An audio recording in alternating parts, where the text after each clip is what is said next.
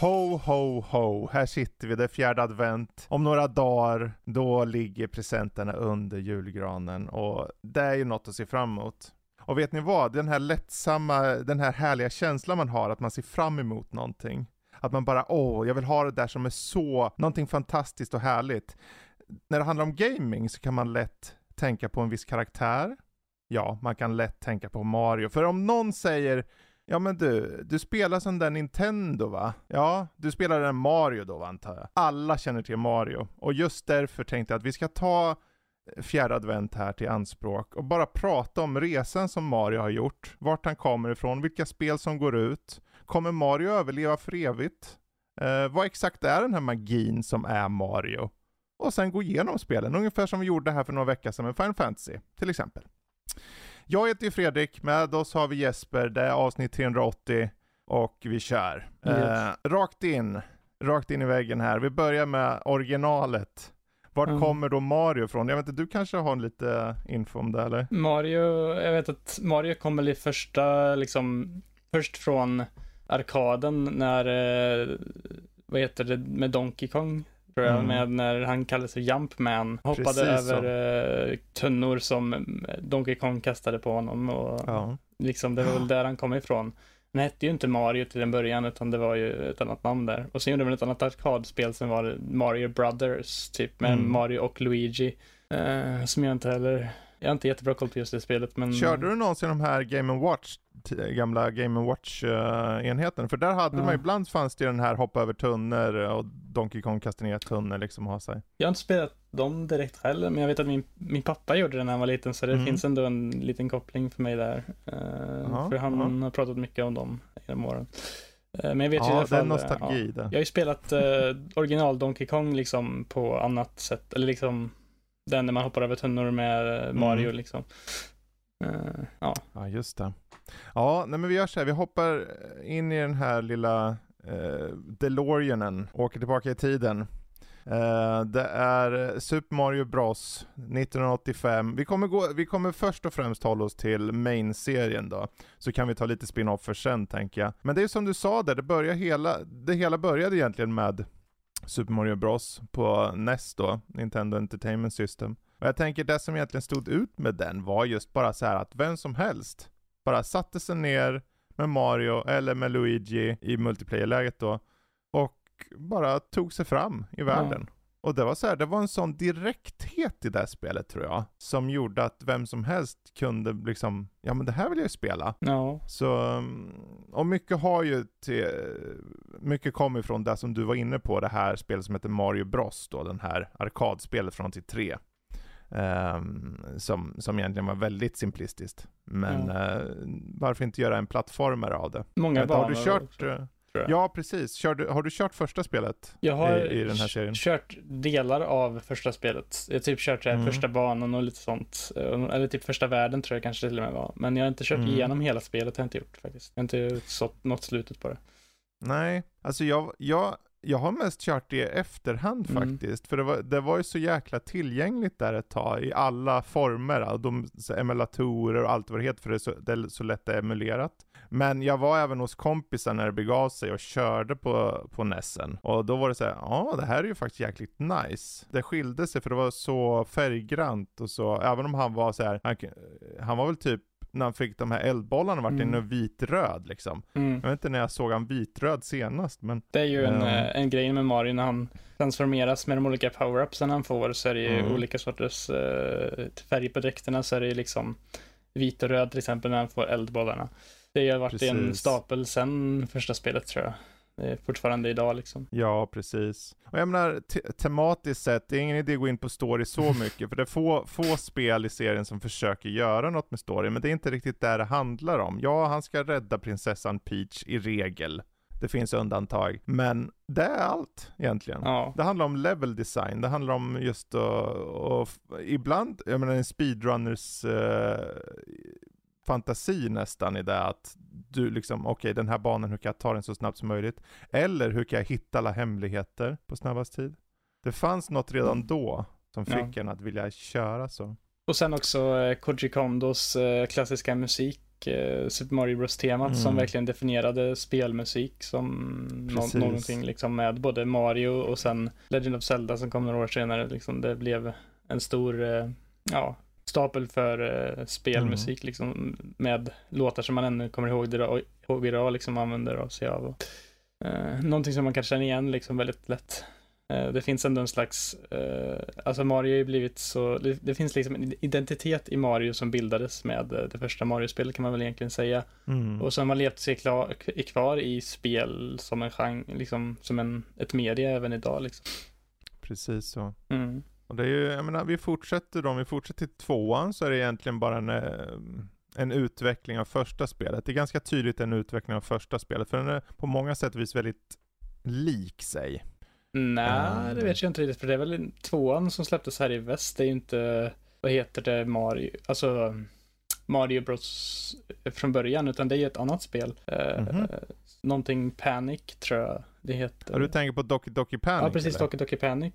Som de Ja, har eh, reskinnat för oss här i, i Västerland, Västerland, ja, och gjort till en, ja, Mario 2 egentligen. Eh, det, var egent, det är inte riktigt exakt samma, det är lite som i, i eh, Zelda 2 till exempel, att Zelda 2 är Mm. ju inte alls som Zelda 1, utan För det där är ju intressant, för, för jag tänker när jag körde där så var det, ja ah, det här ser ut som en tydlig utveckling. Jag hade ingen koll på att det var den här eh, nej. Doki Doki Panic, eh, som, alltså att den featured eh, enemies och items från det spelet. Men det är också det att den hade de, ut, de typen av fienderna, för de känner väl inte igen, jag vet inte, har vi sett några av de fienderna i senare spel? Birdo eh, vet jag ju är en ganska klassisk, eh, den här Yoshi-ekvivalenten kan man väl säga, den här rosa det. Yoshin som skjuter ägg. är ju en Mm. ganska tydlig, eh, vad heter det, fiende nu, eller en tydlig Mm. karaktär i Mario-universumet kan man väl säga, efter tvåan. Eh, Men sen så, Ja. många av de spelidéer som tvåan hade levde ju inte kvar riktigt helt i eh, framtida, eh, vad heter det, Mario-spel. Eh, till exempel man kan kasta upp, eh, vad heter eh, turnips eller vad man ska säga. Ja just det, Man kan- precis. Egentligen det enda som har levt, det, det är bara levt klar i Smash-serien där Peach Mm. kan använda sig av det. Eh, att plocka upp uh, turnips i marken. Men eh, det är någonting som bara försvann efter den. Och när Mm. man kommer till Mario Bros 3 så går man verkligen mycket, går man mycket tillbaka till det som var eh, Mario Bros 1 Mm. liksom. Men med lite nya power-ups som fjädern tror jag. Och, som man kan Ja, flyga det. med. Och den här Tanuki-suten som man får tillbaka sen så sent som Mario 3D Land tror jag till 3DS. Ja. Tror jag den kom tillbaka senast i. Eller, det var ingenting mellan det och det liksom. Precis, Eh. för det jag tänkte komma till där var egentligen att det, det är ju ändå en utveckling från första till andra som är tydlig där att det är ju fortfarande väldigt mycket Mario i estetik och i musik. Sen att den har en, en fiendeskara som man egentligen inte känner igen scen. Ja men vissa, som du precis var inne på, det här hur man attackerar och så är inte kvar riktigt. Det är lite kul att de på något sätt anammade vissa delar av det. Samtidigt som bara, ja men vi går vidare till trean och gör, fortsätter göra vår egen grej. Och gå tillbaka till första lite. För i trean då egentligen, i trean, jag vet, det är ju många som uppskattar trean extremt mycket, faktiskt nästan ser den som sin favorit i serien. Även om jag personligen mest tycker om World. Men jag kan förstå det, för den, den är väldigt, den är så tight trean, om jag minns rätt. Um, och sen just som du var snacka om den här Tanuki-delen där och, och lite av varje, kändes lite fräscht ändå för serien. Men det kändes också samtidigt väldigt Mario. Ja, alltså det är verkligen en tydlig utve- utveckling på det allra första spelet. Mm. Det är, väl, det är i mångt och mycket liksom mekaniskt detsamma. Du kan hoppa på block, du hoppar upp på block och får mint och power, eller mushrooms och sånt istället för att du plockar upp turnips i marken och kastar dem på fienderna. Precis. För i tvåan kunde du inte ens hoppa på fienderna om jag minns rätt. För då Nej. tog du skada helt enkelt. Och du hade någon typ liv och så. Men i, här är det ju liksom klassiskt Mario. Att du hoppar på fiender Mm. för att döda dem. Goombas eh, på marken. Och, och det är en väldigt tydlig liksom eh, familjaritet i eh, Mario 3. Om man har kört första Mario tror jag. Och jag tror att, eh, ja, absolut det mest eh, polerade Mario-spelet till NESen. Och jag tror att överlag kanske Mm. en av de mest polerade spelen som just släpptes till NES innan de övergick till Super Nintendo. Mm. Ja. Ja, för det var ju det, egentligen om man ska se, när vi nu går igenom alla spel, visst det blir tydligare längre fram då att eh, mer än bara power-ups Mm. egentligen eh, som förändras. För här är som du var, det, som du sa så är det den här Tanuki-grejen och det här Superleaf och det där. Som, eh, och att du liksom då med hjälp av Tanuki-grejen liksom kan nästan flyga en kort, kort tid, kort per, eh, bit. Men det är egentligen så här, man fortsätter då, för egentligen efter trean då så kommer ju uppenbarligen då, först har vi ju förvisso på Gameboy, jag vet inte om vi räknar med det, men vi har ju Super Mario Land. Ja. Men sen så kom ju då 1990 Super Mario World. Eh, och eh, jag vet inte, det blir ju den här större världen kändes det som. När, eh, det kändes så mycket, mycket härligare bara att kunna undersöka och leta efter hemligheter på, i alla fall upplevde jag det som då. Ehm, att det fanns någon utforskaranda som jag inte riktigt hade känt i någon tidigare del. Och sen så kom ju Yoshi också i det spelet gjorde att man kunde använda lite annan dynamik i hur man plattformade och Mm. sånt med att man kunde ja, rida runt på honom och kasta ner honom i stupet och Precis. liksom. Det var mycket etablering av sånt i det spelet och jag tycker nog fortfarande att det är en av de snyggaste Mario-spelen även i dagens Ja. mått liksom för att det är ju en tidlös grafik på typ Mario Ja, World verkligen. verkligen. Eh, Precis. Som, alltså, alltså Super Nintendo har ju liksom det lite överlag tycker jag att den grafiken som, de, som görs där oftast är ju verkligen tidlös med den Mm. 16-bitars pixelgrafiken de har. Ehm, men ja, Precis. jag skulle nog ändå räkna med Super Mario Land också egentligen, för det var ju också en etablering av vissa karaktärer, till exempel Mm. Wario och Daisy kommer ju därifrån om jag minns rätt. Ja, just det. Eh, och de är ju väldigt stora idag liksom. Mm. Eh, men även om det var, det är liksom kanske lite tillbakagående i mekaniken och sånt. Jag har inte kört Land, men jag, det är väl lite mer minimalistiskt på många sätt. Ja, alltså det var ju på den tidens Gameboy, så det blev ju så. Mm. Eh, jag, körde den, jag körde den fast det var väldigt lite. Jag kommer ihåg att den hade så här. För, för hur grafiken var så var jag ändå imponerad. Ah, kolla, de kan faktiskt få med lite härliga bakgrundsgrejer här i, i bakgrunden när man springer fram i miljöerna. Men överlag så var det, jag personligen redan då kände, åh det är coolt, men det ser ju för jävligt ut. Men eh, vi, det blev ju bättre. Och jag menar med, med World då, jag tror, det är precis som du sa, just den här tidlösheten. Och sen är någonting med gameplay i det att det mesta, om inte allt man gör, hela det här drivet framåt känns så, det känns så jäkla bra balanserat bara. mhm. För ett spel som ändå har typ 96 stycken levlar eller vad det är, någonstans där. Ehm, så att man, det kan kännas för stort, men när du går den där lilla overworlden och så bara okej, jag går hit och undersöker och sen så kanske du längre fram när du har typ kommit en bra bit, du kanske hittar en väg tillbaka till första området, eller till tredje och så vidare och det här stjärnsystemsgrejen där du kan liksom uh, genväga dig fram. mm. Jag vet inte, det, det satte nog väldigt mycket upp hur Mario ska vara. I alla fall enligt många personer då kan jag tänka mig. Ja, det är lite som att man kan gå lite olika vägar. Liksom. Man kan hitta kanske en hemlig gång som leder till en annan värld eller något. Tror jag Mm. etablerades i detta spelet. Och det är en sak som även används idag i Mario-spelen när Mario fick sin revival med 2D-plattformarna med eh. New Mario, New Super Mario Bros. Precis. Eh, men ja, det var ju också eh, starten av en ny serie för att efter Mario World så kom ju Mario World 2, eh, Mm. Yoshi's Store, nej det är inte Yoshi's Store, nej, Yoshi's ja, Island. det är väl Yoshi's Island Yoshi's då? Island ja. Som Mm. skapade en helt ny serie, en Yoshi-serie som även pågår idag med uh, Yoshi's Story, Yoshi's eh, Crafted World, Yoshi's Woolly World och många andra liksom. Mm. Så det är ju en ganska, och Yoshi's Island är ju också en av de mest hyllade spelen på Super Nintendo. Eh, Det var ju liksom, det var ju liksom uppföljare egentligen till Super Mario World, för den hette ju Super Mario World 2, Mm. Yoshi's Island. Eh, Så det var ju verkligen det.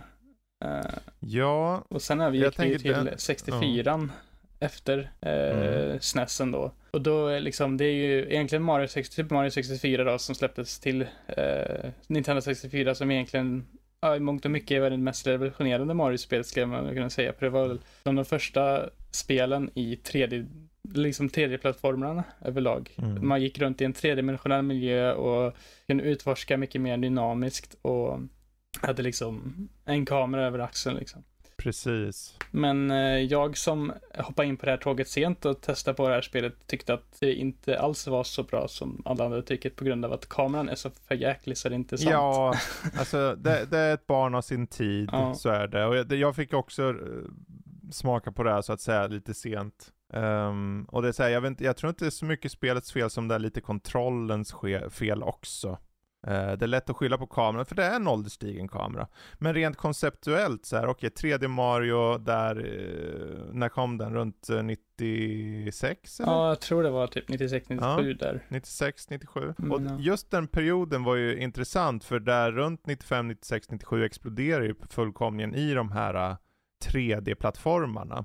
Och att då se Mario följa med på tåget. För det, jag, jag, jag kommer ihåg plattformen som jag körde på PC som var den här typen av plattformare. Men det var, även där var det så här, okej, okay, de visste inte riktigt hur de skulle göra vissa saker. Hur skulle konceptuellt? Och sen kom ju Super Mario och satte lite av ribban där då för den tidens plattformare. Och eh, sen har de egentligen fortsatt i 3D-spåret ganska mycket liksom. Mm. Eh, även om det finns alltid den här, det finns ju titlar som går tillbaka till den här 2D-looken liksom. Men eh, jag tror egentligen bara sett till vilket spel har släppts med bara en sån här inom situationstecken ålderdomlig sprite-grafik. Jag vet inte, är det Super Mario Maker bara som har haft eller har, har något annat Super Mario-spel haft det efter Mario 64? Jag tror inte att, uh, alltså typ har väl eh, Mario Luigi-spelen har väl haft det när de var på Gameboy och DS tror jag. Mm, mm. Uh, Mario Insides, Mario Insides, eller Bowsers Inside Story till exempel och ja, Superstar det. Saga och sånt. Men de är ju inte main-series Mario liksom, det är ju ett äh, rollspel. Äh, likt Paper Mario som också är en distinkt mm. serie nu som kom på 64 som var en stor spin-off. För det släpptes ju på, på SNESen släpptes det ju ett ganska så omtyckt RPG som är utvecklat av Square Enix faktiskt. Och det är eh, ju Super Mario RPG som fick Mario att kanske få lite, gå åt en annan riktning och få lite spin-off-spel eh, mm. med RPG-element. För det var ju verkligen en stor het grej på SNES-eran. Eh, JRPGs var ju verkligen all the buzz kan man väl säga med mycket på liksom Final Fantasy, Chrono Trigger. Ja, det blev ja. ju en, det blev ju något de var nästan var nog tvungna att följa med på något sätt mm. på tåget på för att det låg i tiden så mycket. Men jag tänkte vi hoppar tillbaka här. Efter 64 då så kom ju Super Mario Sunshine. Du har ju kört den nu, om än på switchen. Va, hur känner du som spel? Hur håller det liksom? Typ lite, alltså jag har inte kört klart det heller, så typ lite som Mario 64 på vissa sätt att när man har kört de senare tredje Mario-spelen som kommer mm. efter Sunshine så är det verkligen ganska svårt att gå tillbaka till Sunshine för det har en sorts klumpighet som jag känner att de senare Mario-spelen som kommer efter Sunshine verkligen inte alls har, utan de är ju mycket de känns mycket mer responsiva och härliga att kontrollera liksom. Mm, du har ju, mm. i Sunshine är liksom, går ut på att du hamnar på Delfino Island som är eh, en semesterort där Mario ska åka på semester men eh, det går lite, lite sådär, lite sådär för honom att gå på semester och eh, han ska eh, liksom bekämpa Bowser igen. Eh, liksom spoiler. Men eh, det som är med Sunshine är att du har den här Flood då som är en vattenspruta eller ja, en mm. vattensprutare. Som du använder för att åka runt i luften med och spraya saker för att göra dem rena och liknande. Precis. Så det är ju verkligen, eh, det är ju en liten unik mekanik där, men jag tycker att den är lite klumpig hur den hanteras. Mm. Och sen är ju leveldesignen väldigt föråldrad på vissa sätt. Det mm. går från jätteenkla banor till extremt frustrerande banor som man inte alls, som är, ja, man vill nästan dra sitt hår för att de är så jobbiga liksom. Mm. Eh, och det är en kritik jag hört från många andra också, att det balansen i Mario Sunshine kanske inte alltid är på topp. Ja, och om vi ska vara ärliga där, för om vi buntar ihop det med Mario 64. Vad de egentligen börjar med här är att försöka hitta sin väg någonstans. Mm. Hur, hur, gör man Mario i 3D bra? För redan i Mario, 60, eller Mario 64 där så var det så här, han kunde göra jäkligt mycket ändå, för han kunde springa och hoppa och croucha och crawla och, och klättra och simma och allt vad det var. Och sparka och man skulle hålla in för att han ska göra specifika rörelser och allt vad det var. Volter och sånt. Ja, exakt. Och det var så här, det kändes som att de, okej, okay, vi, vi försöker hitta något här. Vi vet inte riktigt vart vart det här leder, vi ska finslipa på det. Och sen när de kom till Mario Sunshine så var det så här: okej okay, men vi vill föra in någon form av mekanik som är med Mario hela tiden och det är inte som att han inte för i Mario 64 var det ändå att han kunde få ganska diverse abilities liksom. Mm. Lite temporärt här och var och så, och han skulle undvika stora boulders och allt vad det var.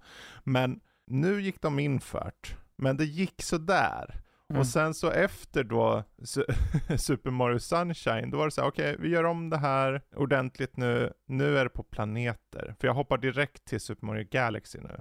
Eh, vi har förvisso New Super Mario Bros. Ja. På DS. Men det är en lite mer traditionalistisk, eh, en traditionell eh, Super Mario, en sidskrollande om än i 3D då. Ett bra spel. Men om vi ser då till Super Mario Galaxy, vad skulle du säga att det gjorde bra?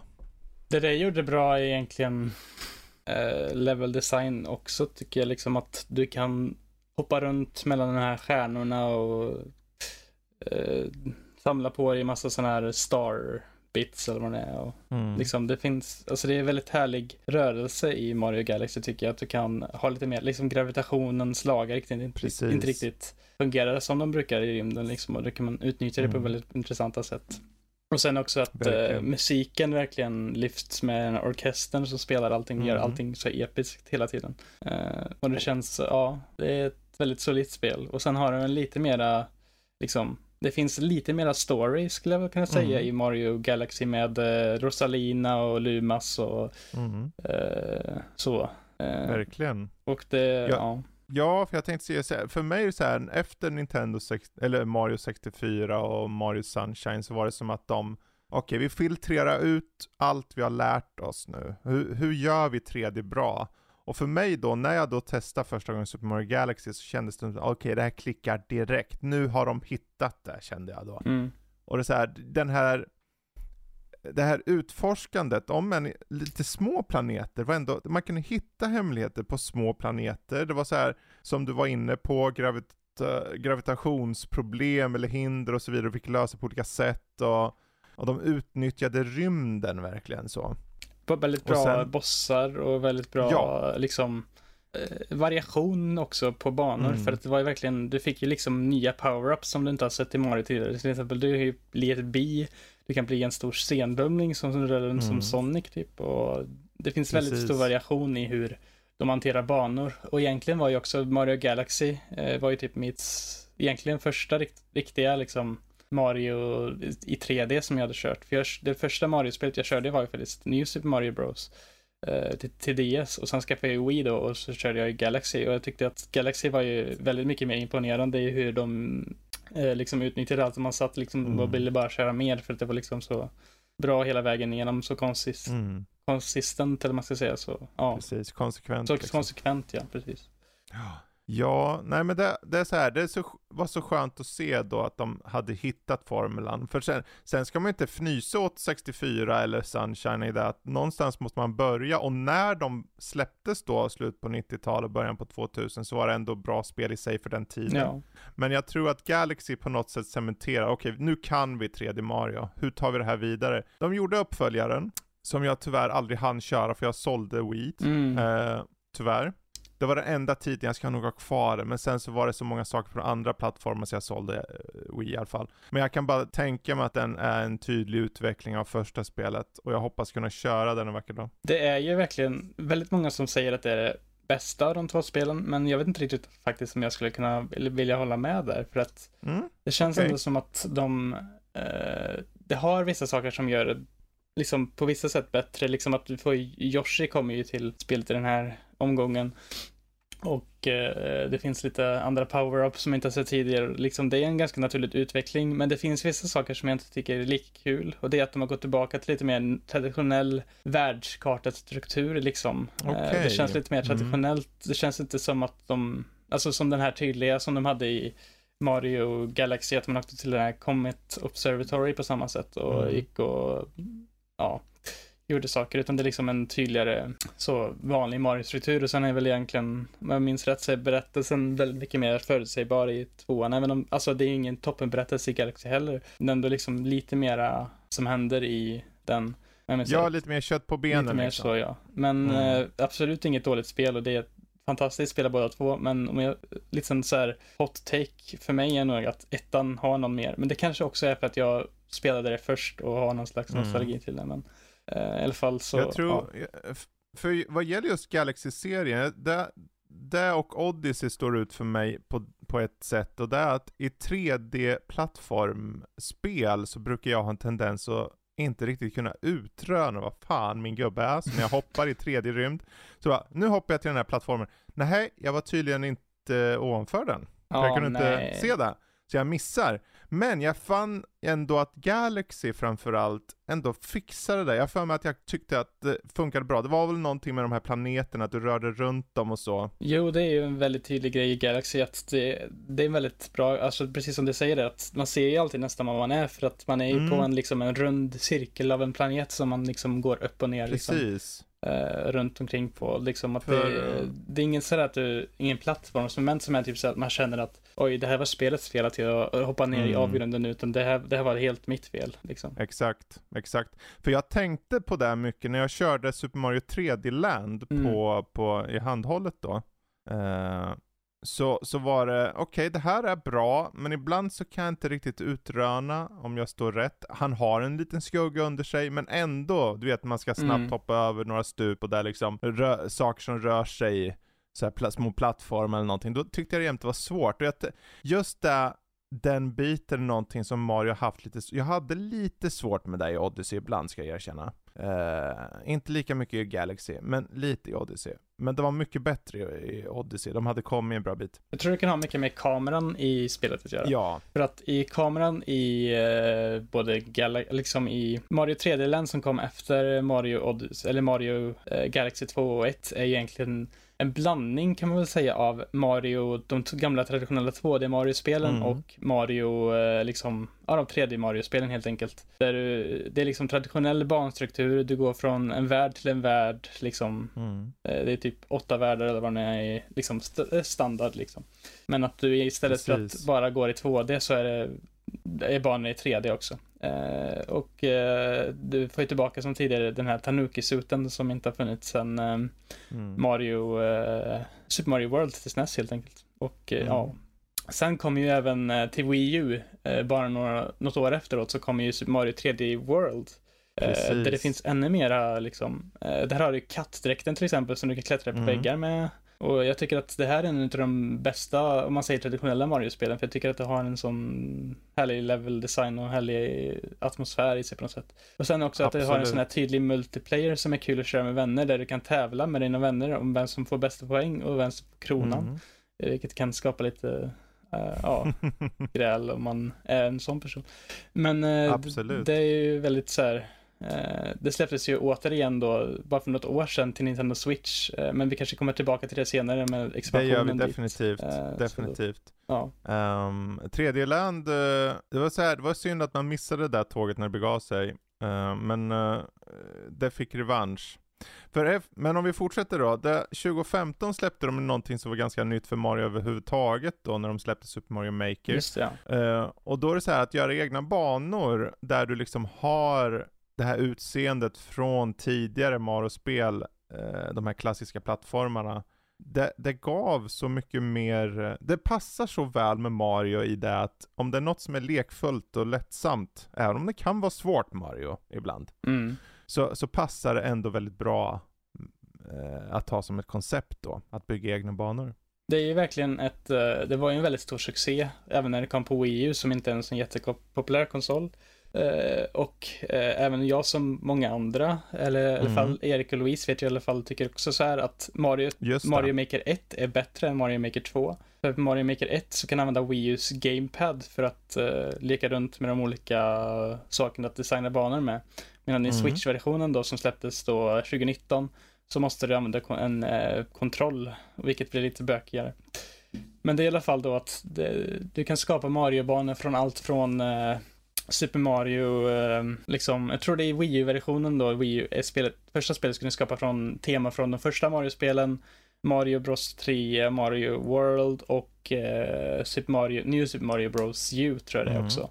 Medan i eh, Switch, eh, Mario Maker 2, så kan du skapa banor från Mario, eh, eller samma spel fast även Mario 3D World där du har tillgång till kattförmågan. Eh, Precis. och eh, med lite uppdateringar och sånt har även kommit lite andra saker som till exempel eh, cameo-dräkter från Zelda till exempel som gör ditt power-up att kunna använda Links Master Sword till exempel, lite en kul grej. Och det, det. det. finns, det kom väldigt mycket uppdateringar till det. Och det är Mm. väldigt, en väldigt stor community har det ju varit med folk som har antingen typ skapat de mest galna liksom svårighetsgraderna på banorna eller folk som har skapat banor som är egentligen autoplay, där du bara följer med en bana och som en berg och i princip, när du bara är med Mhm. liksom för eh, ja, Precis. åkturen om man säger så. Men Ja, det finns en stor variation där där, lek- alltså. Ja, och lekfullheten. Den, det, det är så här, en sån perfekt match, matchning liksom med eh, Mario, att man Mm. bygger själv.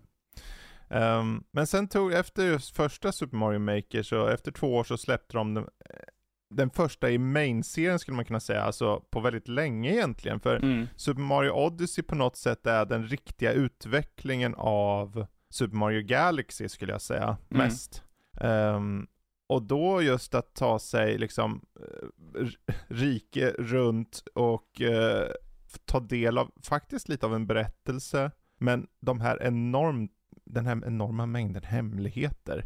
Det är rätt sjukt ändå hur mycket eh, content som man kan hitta i det här spelet. Eh, Mm. Jag skulle nog personligen säga att det är nog faktiskt mitt favorit Mario-spel. Just på grund av hur extremt mycket man kan liksom utröna ur det här spelet och Mm. eh, hur, mycket, hur kul det är egentligen att bara gå och leta efter de här månaderna som man kan eh, liksom leta efter i banorna. Eh, jag, ehm, det är liksom, jag gillar verkligen den här mekaniken med att du har Cappy som är din hatt som är med Mm. ögon, liksom som du kan kasta runt och eh, ta över fienders själar liksom och bli till eh, fienderna. Och Precis. använda dem för att hoppa runt och plattforma runt på banorna.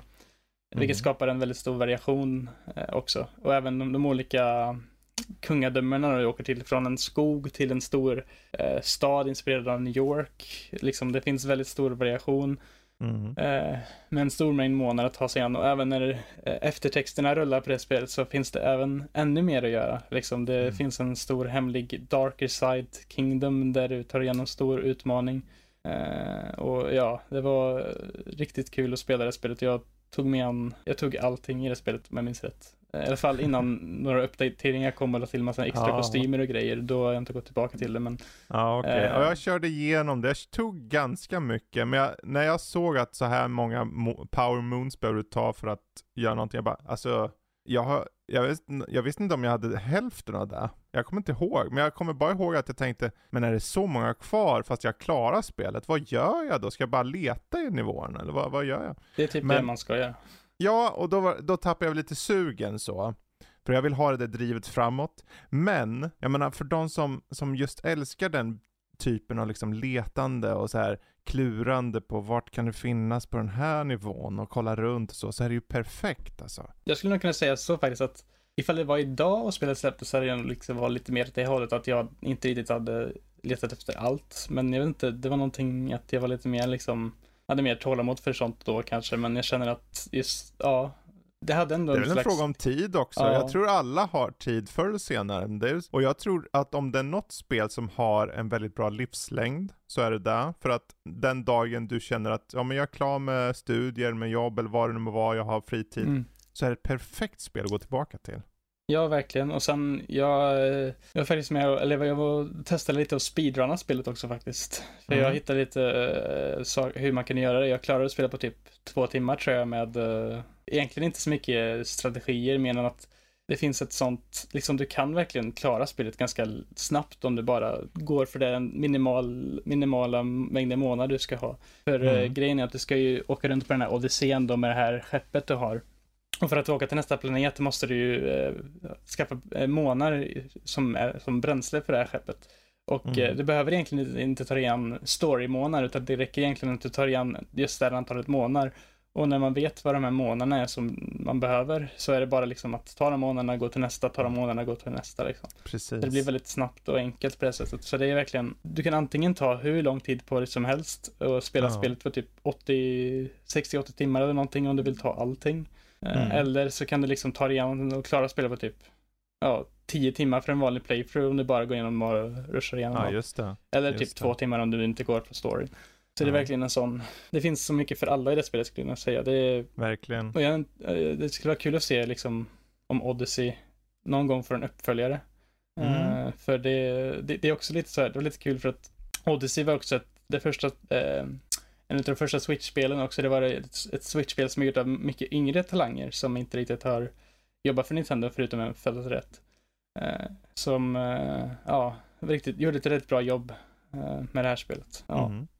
Ja, det var ett spännande spel att, att komma med som visar på lite vad, vad Nintendo kan göra. Men tog inte slut där utan de fortsatte ju sedan med, och där, nu har vi varit inne på det indirekt, men eh, utöver Super Mario Maker 2 då uppenbarligen, så kom då slutligen Super Mario 3D World plus Bowsers Fury. Och i det här fallet så, så gällde det egentligen en form av portning då av eh, 3D World. Men då den här nya lilla delen som, som egentligen är, nej, det delvis ett litet fullt, ett litet komplett spel, Mm. delvis lite av ett nästan tech-demo på det här. Okej, det här är vad vi kanske kan röra oss mot i framtiden. Ehm, jag vet inte, för, för grundspelet, det är ju den som kom på Wii U, Mm. fast, eh, fast nu på Switch. Och det är ett bra, solitt spel. Jag skulle inte säga att det är något som står ut för mig. Eh, men jag skulle definitivt säga att rekommendera det starkt för alla som känner att de vill köra det. Men det som är det intressanta i det är ju den här lilla Ja.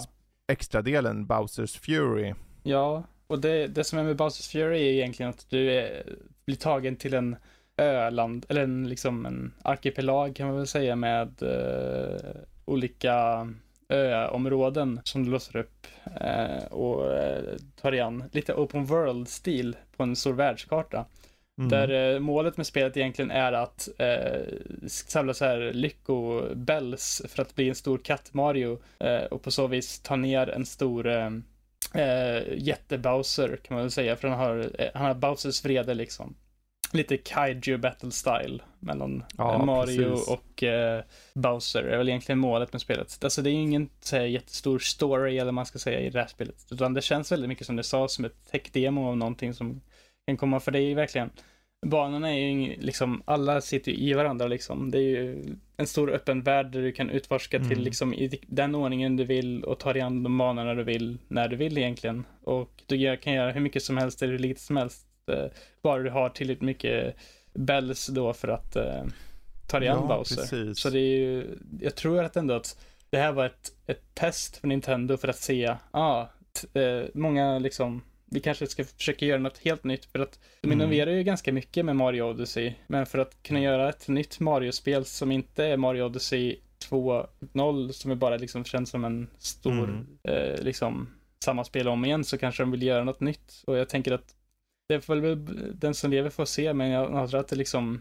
vi kommer gå mot det hållet nu om jag skulle få gissa till Precis. framtida Mario-spel eh, med just den här open world-stilen. För vi har ju sett det nu med till exempel eh, det som kommer, eh, eller som precis har kommit nu då, Sonic Frontiers, där Sonic har Mm. tagit ö- liksom blivit en open world-ish spel och Pokémon som precis har blivit en open world med Scarlet and Violet som släpptes nyss och ja, Ja, precis. det är Precis. intressant ändå hur det är, väldigt, det är väldigt populärt med open world, men hur man gör en open world är, nå- är verkligen en konst i sig. Ja, hur, hur gör eh, Mario-skaparen ett Open World-spel? Mm. Det skulle vara intressant. Och det är så här, men det, det för mig vidare, för vi har gått igenom nu det som har gjorts, det som har släppts sett till större spel. Finns det några, innan vi går vidare till en fråga har, Mm. finns det några minnesvärda spin-offer eller liknande i Mario-universumet som du känner de här är värda att highlighta? Jag skulle personligen säga Mario RPG-spelen överlag. Eh, Mm. Mario, Paper Mario-spelen eh, och. Mario Luigi-spelen. Eh, till exempel Paper Mario-spelen är ju väldigt kända för deras, liksom, de har ju en innovativ combat-stil där man använder eh, reaktionsbaserade attacker för att attackera fienderna med. Till exempel att du hoppar på fienderna och tajmar dina hopp för att göra mer skada och liknande.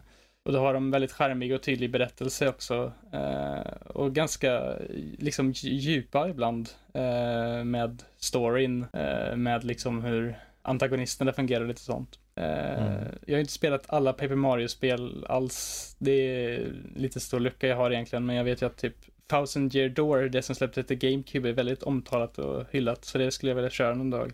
Mm. Men eh, när det kommer till Mario RPG-serien, eller Mario- Mario Luigi-serien kan man väl säga, som tyvärr nu ligger lite på hiatus, som man ska säga, på grund av att Alpha Dream, utvecklarna till den här serien, har gått bankrupt. Eh, bara för några år sedan. Eh, och Mario Luigi-serien fungerar egentligen så att du, du kontrollerar både Mario och Luigi och eh, tar igen liksom, precis som i Paper Mario, väldigt inspirerat på liksom nästan samma stridssystem egentligen. Så tar igen eh, sidor med både Mario och Luigi då. Men här finns lite pusselelement i världen också när du går runt. Eh, till exempel att du kan eh, använda bröderna för att hoppa tillsammans eh, på vissa saker eller ja, mm. lösa pussel dynamiskt med Mario och Luigi helt enkelt. Eh, och de spelen som jag tycker eh, står ut extra mycket i den här serien som jag gillar väldigt mycket är Mario, Mario Luigi Bowsers Inside Story. Eh, där egentligen det går, eh, spelet går ut på att du teamar upp med Bowser för att eh, besegra ondskan inuti Bowser. Mario och Luigi sjunk, sjunker till miniatyrstorlek och hoppar in i Bowsers kropp för att besegra ondskan inuti den typ. Och det är, mm. ja, det är ett spel, det är typ första spelet där Mario och Luigi faktiskt medverkar med Bowser. Det finns mm. ju typ två delar av spelet. Ett spel, del av spelet när du typ, kontrollerar Bowser i verkliga världen kan man väl säga och ett när man kontrollerar Mario och Luigi i hans kropp. Och sen mm. även Mario Luigi uh, Dream Team Brothers. Uh, som egentligen är att Mario och Luigi har åkt till en ö på semester, lite som Mario Sunshine ungefär. Men när Mar Luigi börjar drömma konstiga drömmar och Mario måste åka in i Luigis medvetande medan han sover för att uh, ta, del, ta liksom uh, koll på ondskan där inne. Och det liksom, ja, det, det finns en tydlig karaktär, tydlig story i de här spelen som mm. utvecklas på ett annat sätt än i Mario-serien. Eh, och sen så finns det även det finns ju såklart några spel i den här serien som inte är lika, alltså i Paper Mario-serien specifikt, som inte är jätte omtyckt efter uh, Thousand Year Door. Uh, jag tycker själv om Super, Super Paper Mario, det spelet som släpptes till Wii. Uh, mm. Det är inte riktigt RPG på samma sätt. Det är lite mer av en plattformare. Eh, när du hoppar runt och du kan byta mellan 2D och 3D-perspektiv. Eh, men det jag gillar väldigt mycket. Jag kommer ihåg den mm. med, med varma minnen mm. ändå, för det var en av de spel som jag faktiskt hade på min Wii då. Ja, det var det första i serien jag spelade också. Mm. Det var väldigt, eh, jag tyckte det var väldigt mysigt, men jag har hört lite mycket blandat om det, att balansen är kanske inte jättebra, att det är lite för mm. lätt och sånt, men jag tycker ändå att jag tyckte väldigt mycket om det, för jag tyckte väldigt mycket om uh, fien, eller liksom antagonisterna i det spelet. Jag tyckte att de, mm. speciellt han, uh, huvud, antagonisten, jag kommer inte ihåg hans namn på rakt arm, men jag tyckte han var väldigt intressant. Och även Precis. här så, kontro- eller så samverkar du då med Bowser. Eh, tillsammans med man. Ja, och Luigi och sen det här med, med jag tänker det här med att samarbeta med Bowser är ju någonting som man kände igen i det senaste nu, Mario plus ja. Rabbit, Sparks of Hope till exempel. Det är ju en väldigt tydlig serie där. Eh, med Ubisoft Milan som nu eh, 2017 släpptes ett spel som jag tror ingen trodde skulle bli så bra som det blev faktiskt. Mario mm. går tillsammans med Rabbids i XCOM-liknande strategistrider. Mm. Med eh, väldigt, jag har inte spelat Sparks of Hope än, jag ska göra det ganska snart har jag tänkt ändå. Men mm. eh, Mario Rabbids Kingdom Battle i alla fall väldigt charmigt och unikt i mm. både att det ändå har eh, det intressanta strider och sånt men att även, att även om det är Mario så är det inte jättelätt om man säger så. Liksom det, det finns ändå en slags strategi du måste ha här, speciellt mm. i slutet av spelet där det verkligen blir ganska utmanande faktiskt även för eh, oh ja. liksom erfarna spelare av genren. Absolut. Och samma sak gäller egentligen i den här nya Sparks of Hope, i det att det, det blir utmanande om du väljer att ha utmaningar, mm. för du kan välja svårighetsgrad. Men även om du tar det lättaste kan det bli relativt utmanande mot slutet av spelet. Men framförallt är det så tydligt, och det här faller väl in lite med Mario överlag då, sett till utvecklingen, säg till exempel från 64 till Sunshine till Odyssey och så vidare, att jag tror i Ubisofts fall här så har de lärt sig, okej, okay, vad, vad är det för någonting som gjorde första spelet bra? Vi filtrerar, vi tar fram och vi tar bort gridsystem och gör det lite mer följsamt. Du, du kanske får två actions typ istället så här. Det, det är, så, det är så tillgängligt mm. för att vara ett strategispel. Och jag tror mycket är så här, okej, okay, det finns ett arv här som måste bevaras sett till att du har namnet Mario i titeln. Och de är väldigt medvetna om det tror jag på Ubisoft, så därmed har de gjort all in. Jag kom på två tänk, till Mario ja. spin-off-serier som man måste prata om som jag helt glömde av bara. Aha. Eh, eh, först och främst Mario Kart. Det är ja, väl Mario en av de mest ja. Eh, tydliga Mario spinoffsen egentligen som har sålt allra mest i hela världen egentligen. Och eh, Mario Kart är ju då att Mario åker runt i go-kart egentligen och på olika banor och Precis. det finns åtta olika spel i huvudserien, där 8 Deluxe var den senaste versionen som har sålt typ bäst spela Switch-systemet, mm. när det är, dessutom är en Wii U-titel från början. Uh, jag tycker att det, det är en väldigt så här, härlig arkadig känsla i Mario Kart, liksom att du kontrollerar, hur du kontrollerar bi, kartan mm. och liksom, ja, det är en väldigt härlig tid om man sitter och spelar det med vänner och bekanta liksom. Och sen även Mario Party också, som är det här bordsspels eh, eh, Precis, lite brädspelsliknande. Mario spelet där du går runt på stora bräden och spel, deltar i så här minispel eh, där du slåss om att få stjärnor eh, och sno stjärnor från andra för att få poäng och då mm. vinna spelet. Uh, ja. ja, väldigt tydliga spin-offer där, men vi hoppar vidare, för jag tänker just en fråga då som jag har är varför tror du Mario överlever så länge som spel? Mm. Jag tror det har mycket med identiteten av att Mario egentligen var en av de första stora tydliga spelikonerna. Liksom mm. som, vi, som etablerades tidigt med de första hemsystemen, eller man ska säga, med, de, liksom, med första NESen när det kom liksom. Det blev kvar i generation till generation och ärvts från system till system. Mm. Och en, en grej Nintendo älskar att göra är att bevara gamla IPn. Det ser vi med liksom, majoriteten av deras serier lever ju kvar från den tiden. Till exempel eh, Zelda, Mario, ja, Zelda och Mario egentligen, de största, mm. och Metroid och liksom, de, de gillar liksom nostalgi och mycket, mycket drivs med Mario på nostalgi, att, men även att de även, de har inte liksom stagnerat på något sätt, utan de har alltid utvecklat sina spel. Det har aldrig varit samma spel om igen egentligen, även om det är mycket element som liknar eh, spel till spel, så har de även följt in nya element som gör att spelen mm. känns unika och inte som en rak cash grab om man säger så. Precis. Mm. Finns det någonting i det här? För det, jag menar, det här med att de överlever på grund av ikonen mm. I sig som är Mario och nostalgin är en sak. Men det måste finnas en magi rent mekaniskt, mm. någonting som får dig att känna om det här, det här, det här är bara sig och köra. Vad kan det vara tror du? Jag tror det kan vara liksom att hur eh, lekfullt det är i hur du mm. hoppar på fiender för att ta död på dem och hur liksom egentligen hur orealistiskt och bara banal på det sättet att det liksom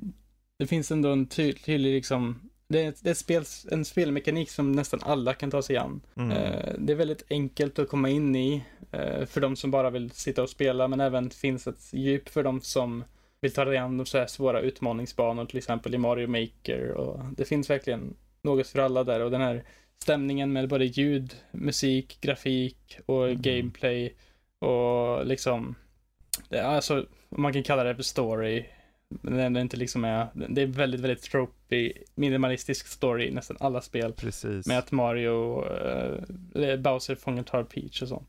Ja, är, på, på pappret är det ju egentligen en barnfilm. Men när du sätter det med spelet så förstår du att det här är ett spel, och nu snackar vi egentligen vilket spel som helst i serien. Det är ett spel för både barn och vuxna. Barn i den mån att det är så färgglatt, det är så lättillgängligt. Uh, han är så likable. Alla är likable. Till och med bad guysen är likable. Uh, men som vuxen så har det också så här suger in och suger tag i dig mest för att ja, det må vara lätt att förstå. Men om du ska faktiskt klara den där banan och få allting på den eller få den under en viss tid. Det behöver inte betyda att det är lätt. Nej. Tvärtom, det kan vara nästan så att ju längre du kör ett Mario-spel desto svårare blir det och det är en tydlig upptrappning i svårighetsgrad. Ja. Um, det är verkligen så, inte, ja, alltså, ja. Mario-spelen är ju också, precis som vi har sagt nu under den här podden, egentligen att Mario är inte bara Mario-plattformare heller. Mario är mm. Mario Kart, Mario är Mario Party, Mario är Mario RPG, eh, Mario Rabbids, liksom. Mm. Mario har en del, i nästan alla, liksom, eh, genrer egentligen. Att ja, Mario är även en sån tydlig ikon som nästan alla känner till sedan tidigare, liksom, att ja, det där är Mario, jag vet vad jag får och jag vet att liksom, det finns ändå när man köper Mario-spel, man förväntar sig inte liksom revolutionerande, något revolutionerande egentligen. Man förväntar sig liksom, ja man vet liksom lite vad man får när man köper ett Mario-spel. Mm. Jag tror att det, det finns en liten grej i det också att man behöver inte alltid få något helt nytt med ett spel, utan det, för många kan det vara liksom väldigt skönt att bara få lite så här komfortmat, eller man ska säga, mm. med att bara liksom plocka upp ett nytt Mario-spel. Jag vet att jag kommer att ha kul med det, även om det kanske inte är mest utvecklade på det sättet. Exakt. Jag tror det som står ut hos Nintendo sett är om, ju fort det handlar om ett main-seriespel för Mario så vet man åtminstone att nu kommer de köra all in. De kommer verkligen göra, för, göra sitt bästa de kan. För det har ju släppts många, om vi ska vara ärliga också, väldigt många spin-offer som verkligen inte så intressanta. Som Mario och Sonic at London 2012 Olympic ja. Games. Eller sådana här Mario Power Tennis, eller vissa av de här Mario Party-spelen är ju lite så här: okej okay, det är samma spel bara i ny skrud. Um, så att det finns ju, det fanns ju många som liksom har kommit och gått och som på något sätt, och sen har vi Mario, så här, Mario Kart Tour på mobil. Just det, ja. De här mobilspelen. Det, det finns saker som man känner, okej, okay, allt kanske inte funkar, men när än en gång då kommer de här main-spelen då, så då, då vet man att de går all in. Och det är därför jag tänkte vi ska ha en sist, en av de sista frågorna är då, okej vad är framtiden nu då? För vi, senast vi fick ett var 2017 i Super Mario Odyssey. Och även om vi fick Bowsers Fury så var det, om vi ska se på, ta lite ett steg ifrån så var det okej, okay, du hade 3D World och sen den här lilla, lilla delen det var inte ett komplett spel så för mig personligen. Det är inte ett main-spel. Så vad är, när kommer det stora main-spelet? Jag har en liten teori om en sak som kanske skulle kunna hända redan 2023. Eh, mm. Och det har varit en, ett rykte om det här i och med en annan grej som hände med Mario 2023. Uh, Mario kom, det kommer ju nämligen en Mario-film nästa år. Och det har ja. varit rykte om att det kommer komma en 2D spin-off till det här spelet. Uh, eller till den här filmen då. Eh, mm, som kommer okay. ta liksom storyn liknande från den filmen och föra in det i spelform. Och ah, jag tror att det här kommer vara, det, det kommer nog, det känns liksom nästan lite uppenbart. För att det gjorde de ju till exempel, liksom med Ratchet Clank eh, 2016 när det kom var egentligen en, eh, vad heter det, adaption av filmen till exempel. Så det, ja. det är inte gjort, det är gjort förut liksom och jag tänker att det är ju ett bra sätt att kapitalisera för, på ett nytt medium. Att man har en, ett spel som liksom tajar in att man får dem att börja mm. köpa spelet också. Så det skulle kunna vara en grej. Men jag tror när man kommer till liksom main main-serien tror jag faktiskt att antingen sent 2023 eller tidigt 2024 eller ja, till och med kanske 2025, man vet aldrig riktigt. Nej. Så kommer de För det är lång tid emellan dem ändå, de här main-spelen. Speciellt det, nu, det... men det, ja. jag tror det har mycket med att de försöker innovera mer nu med hur mm. Eh, Mario fungerar. Till exempel Bowsers Fury var ju egentligen det senaste spelet som egentligen inte var ett nytt spel, men jag tror att det var egentligen lite som en speltestspel kan man väl säga, där de testar koncept och sånt. Mm. Och jag tänker att, jag tror ju att de kommer utveckla på eh, blandning av Mario, eh, Mario, Super Mario Odyssey och Bowsers Fury mm. i ett spel där man tar sig an stora öppna kartor, likt eh, Bowsers eh, Fury. Men mm. att det mm. liksom finns här tydliga kingdoms eller något man kan åka till och sånt. Men att alla banor liksom i den här världen är seamless, eller man ska säga, att man Precis. åker från bana till bana på en stor öppen karta. Alltså det hade ju varit väldigt roligt om de utannonserar nu här inom kort. Ja, vi kommer också släppa ett uh, nytt Super Mario i slutet någon gång av 2023. Uh, eh, så Zelda, Mario och 41 andra storspel 2023. Tack och förlåt. Jo, um, för grejen är ju att Nintendo har ju alltid en eh, direct tre gånger, eller eh, en direct tre gånger om året har de ju.